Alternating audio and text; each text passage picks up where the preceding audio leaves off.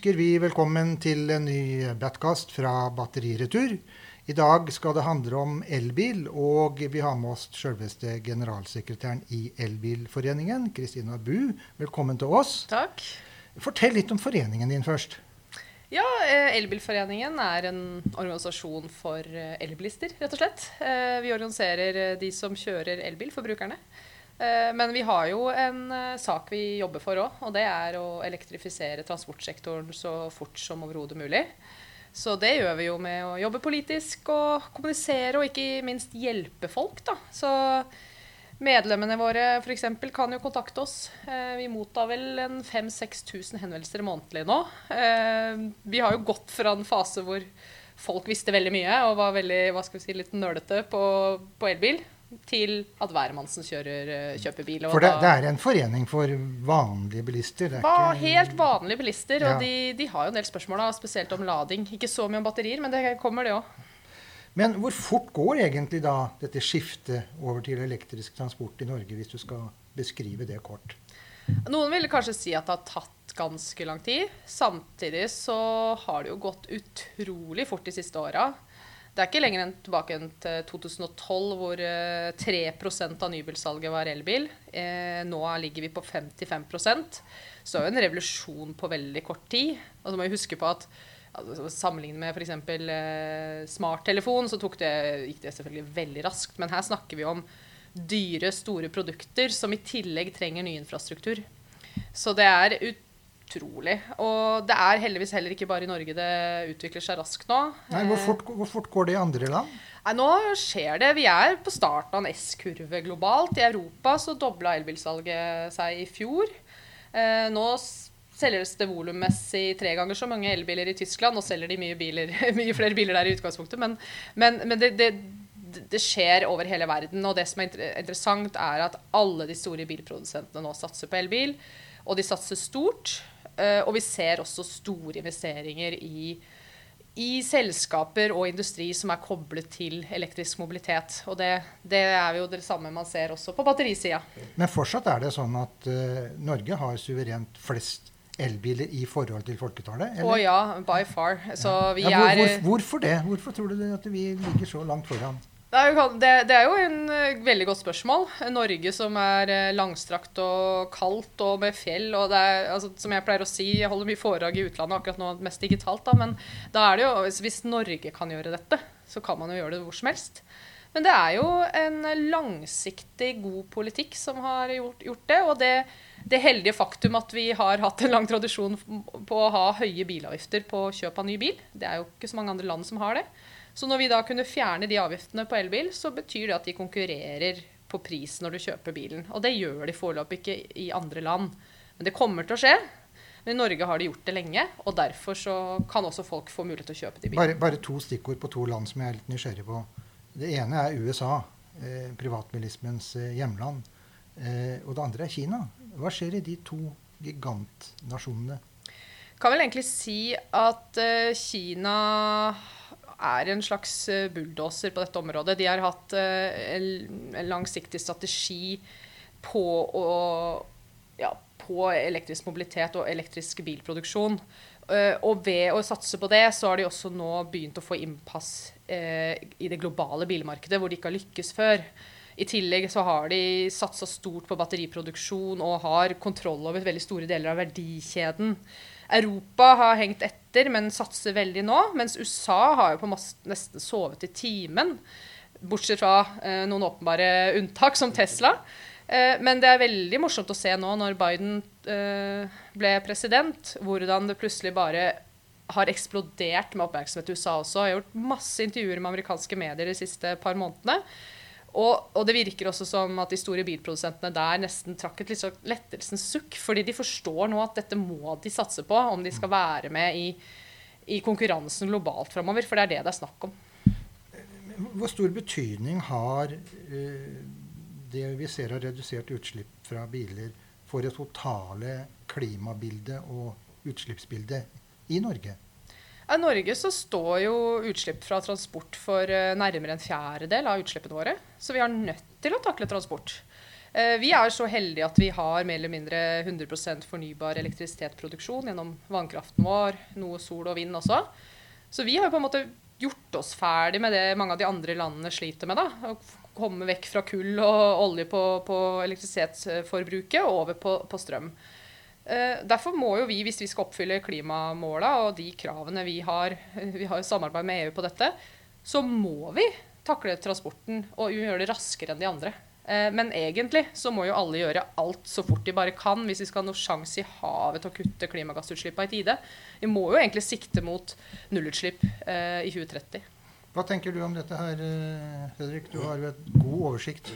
Nei, altså det er jo helt riktig det Kristina sier. Og jeg tror vi skal tenke mye på den globale delen her. Ja. Eh, og fra vår side her i Norge så har vi en unik mulighet til å bruke den erfaringen vi har. Fra spesielt i batterisektoren de siste ti åra til, til, å skape en modell som jeg vet er interesse for i andre land. Og eh, ja, vi, vi må posisjonere oss. Og når amerikanerne også endelig våkner, så betyr det bare at konkurransen blir bare enda sterkere. Er det, er det den balansen mellom, eller kombinasjon av høy avgift på forurensende biler og lav avgift på mindre forurensende biler, er det det som er nøkkelen på en måte, oppskriften her?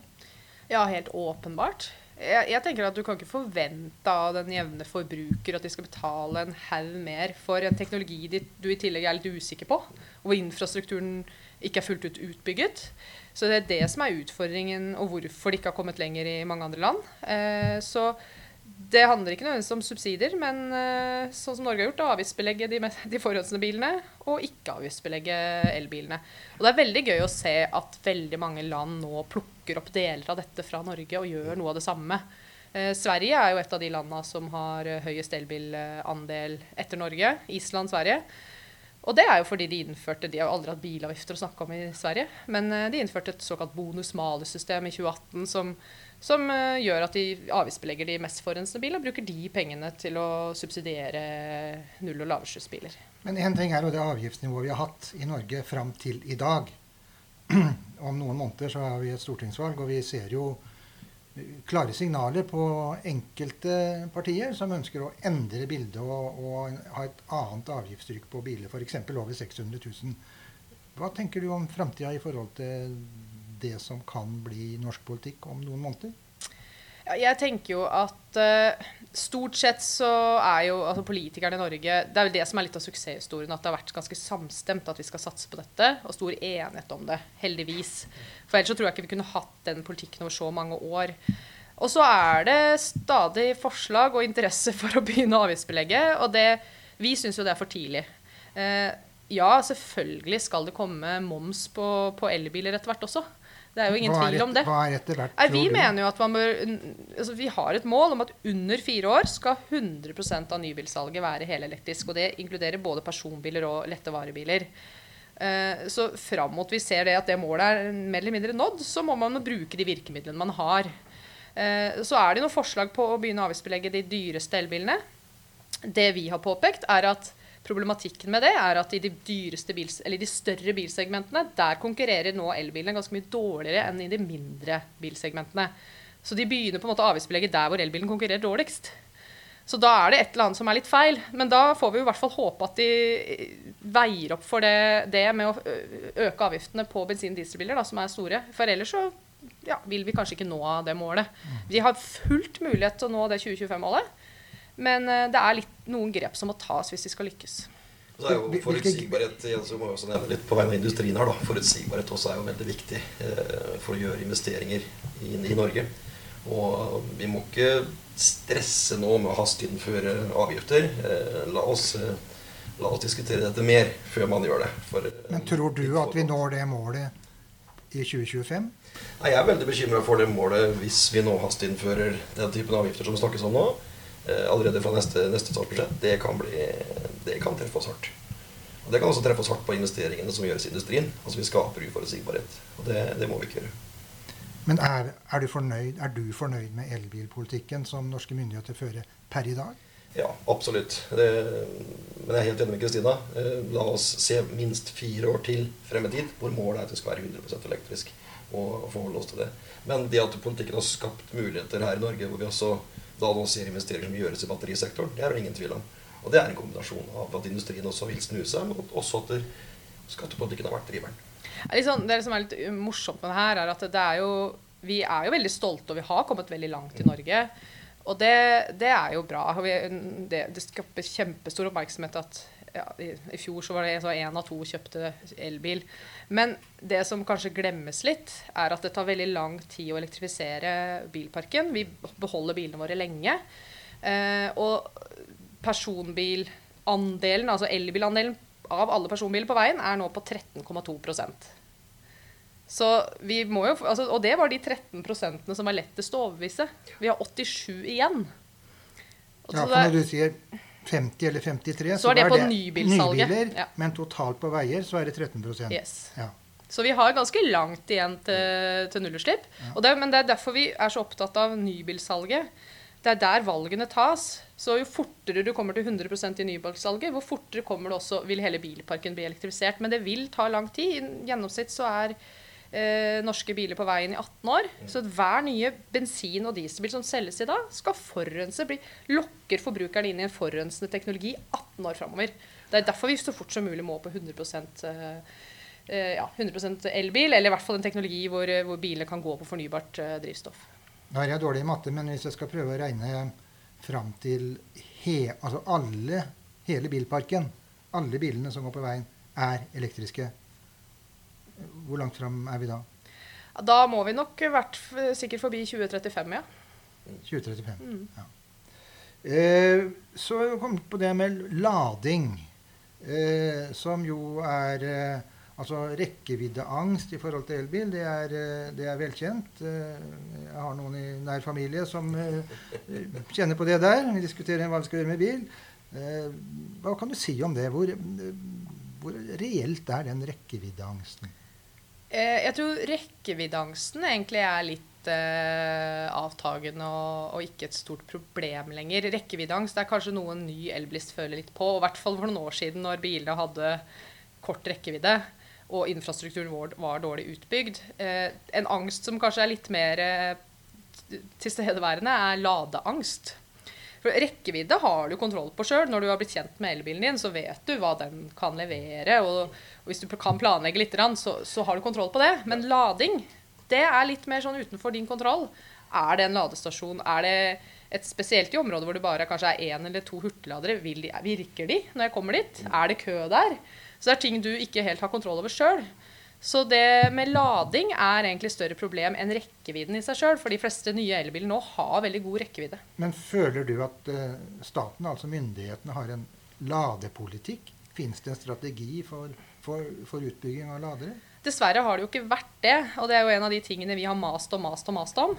Eh, så vi fikk jo en veldig god seier denne uka, eh, hvor stortingsflertallet, eh, som et innspill til Nasjonal transportplan, ba regjeringen om å lage en ladestrategi, noe vi har maset veldig om, og også gjøre betalingsløsningene enklere.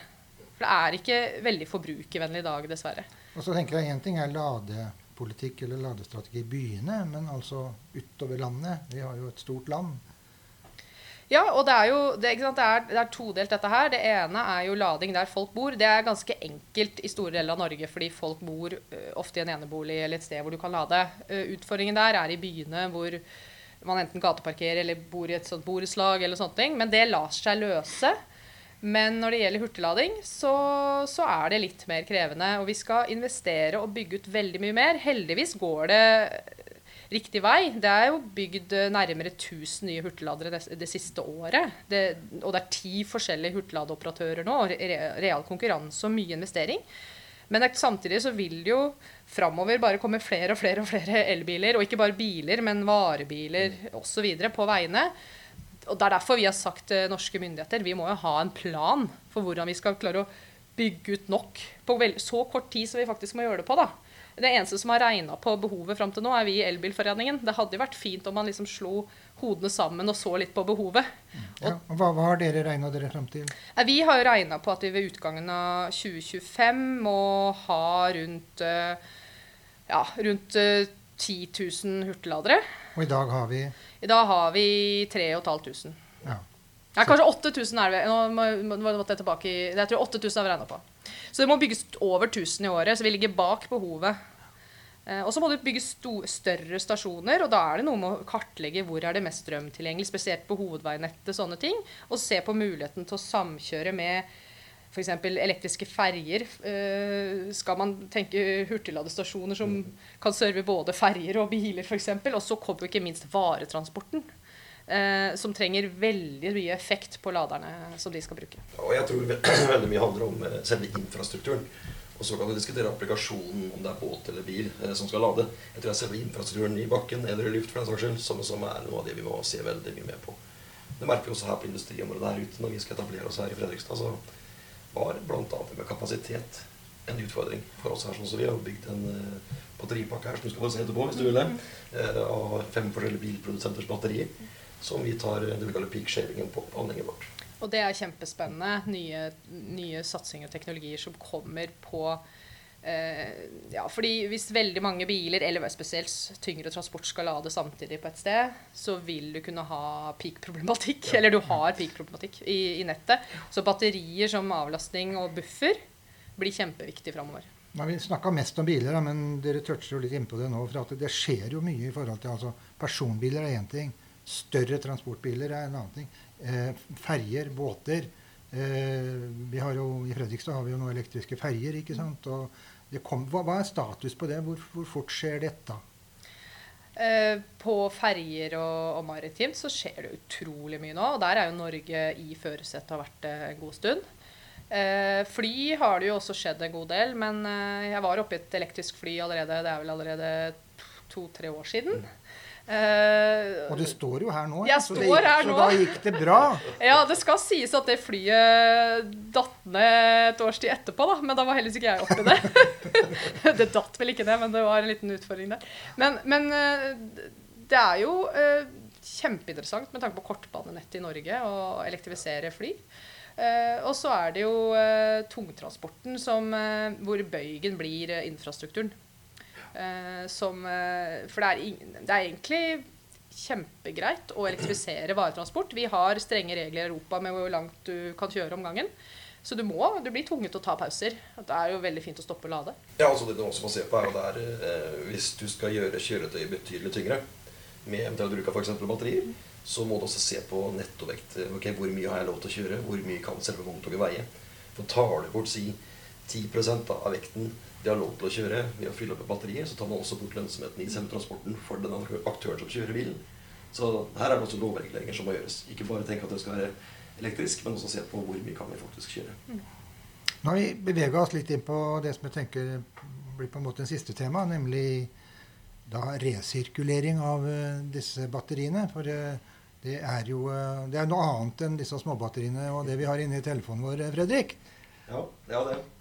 Hva, hva tenker du om eh, resirkulering av elbilbatterier? Nei, altså, Punkt én. Kristina eh, og Elbilforeningen, norske bilimportører, norske skatter og avgifter har sørga for at vi er best i verden på elektrifisering. Med det så følger et ansvar. For det kommer en konsekvens av dette også. Når batteriene er ferdig i sin applikasjon, altså kjøretøyet, så skal de resirkuleres. Da må vi bygge et system for det også.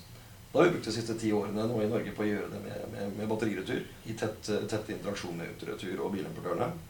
Hvor vi da har satt opp et først et infrastruktur og logistikksystem for å samle inn batteriene. Men nå skal vi også begynne å resirkulere det her, for nå er volumet til forsvarinvesteringer. Og der har vi da Hydrovolt som bygger en fabrikk her i Fredrikstad nå. Som, eh, ja, som vi også snakket om i tidligere badkaster, men som nå skal resirkulere bl.a. batteri fra elektriske kjøretøy. Er, eh, jeg syns det er så utrolig kult, den satsinga som gjøres her i, i, Fredrikstad med batteriretur i førersetet. Um, dette er jo fortsatt et spørsmål jeg får veldig ofte I Norge tror jeg folk har fått med seg at dette håndteres. Men i, i, uh, dette er jo en av disse mytene og, og skrem, skremselspropagandaen som kanskje som, som rettes mot elbiler. Da. Så kan jeg jo da bare fortelle det at i Norge resirkuleres eh, alt av batteri tas inn, og nå bygges eh, en svær eh, resirkuleringsfabrikk. Dette er jo arbeidsplasser og næringsliv, og Norge er i førersetet. Det, det, er jeg veldig stolt av. Og det er morsomt, den satsinga som totalt sett er på batteriindustri i Norge nå. Det er, det er egentlig Det var knapt snakk om for noen år siden. Og nå har vi noe gående i nesten hele verdikjeden rundt batteri. Alt fra battericellefabrikker under oppføring og planlegging. Eh, anodegrafitt som Elkem lager. Og, og, det å sette sammen, og ikke minst da resirkuleringsbiten. Og det er jo et kjempe godt eh, stempel da, når, eh, når batteriretur og Hydro Altså når Northvolt eh, går, inngår samarbeid med Hydro og, og bygger denne fabrikken her i, her i, Fredrikstad. Da kan jo du få siste ord da, Fredrik, om akkurat betydningen av det prosjektet. Ja, altså Betydningen blir, den er veldig, veldig, veldig stor og veldig viktig. Og som Kristian sier, når disse, den type aktører går inn og gjør et sånt type investering, skaper dette joint venture, eller datteren, Hydrovolt, så er jo ikke det bare ment for det norske, norske, markedet. Og dette er det vi skal gjøre. Vi skal ta med oss erfaringene fra det siste tiåret vi har bygd opp her, og bringe den norske batterihåndteringsmodellen ut i Europa. Hvorfor ikke ut globalt?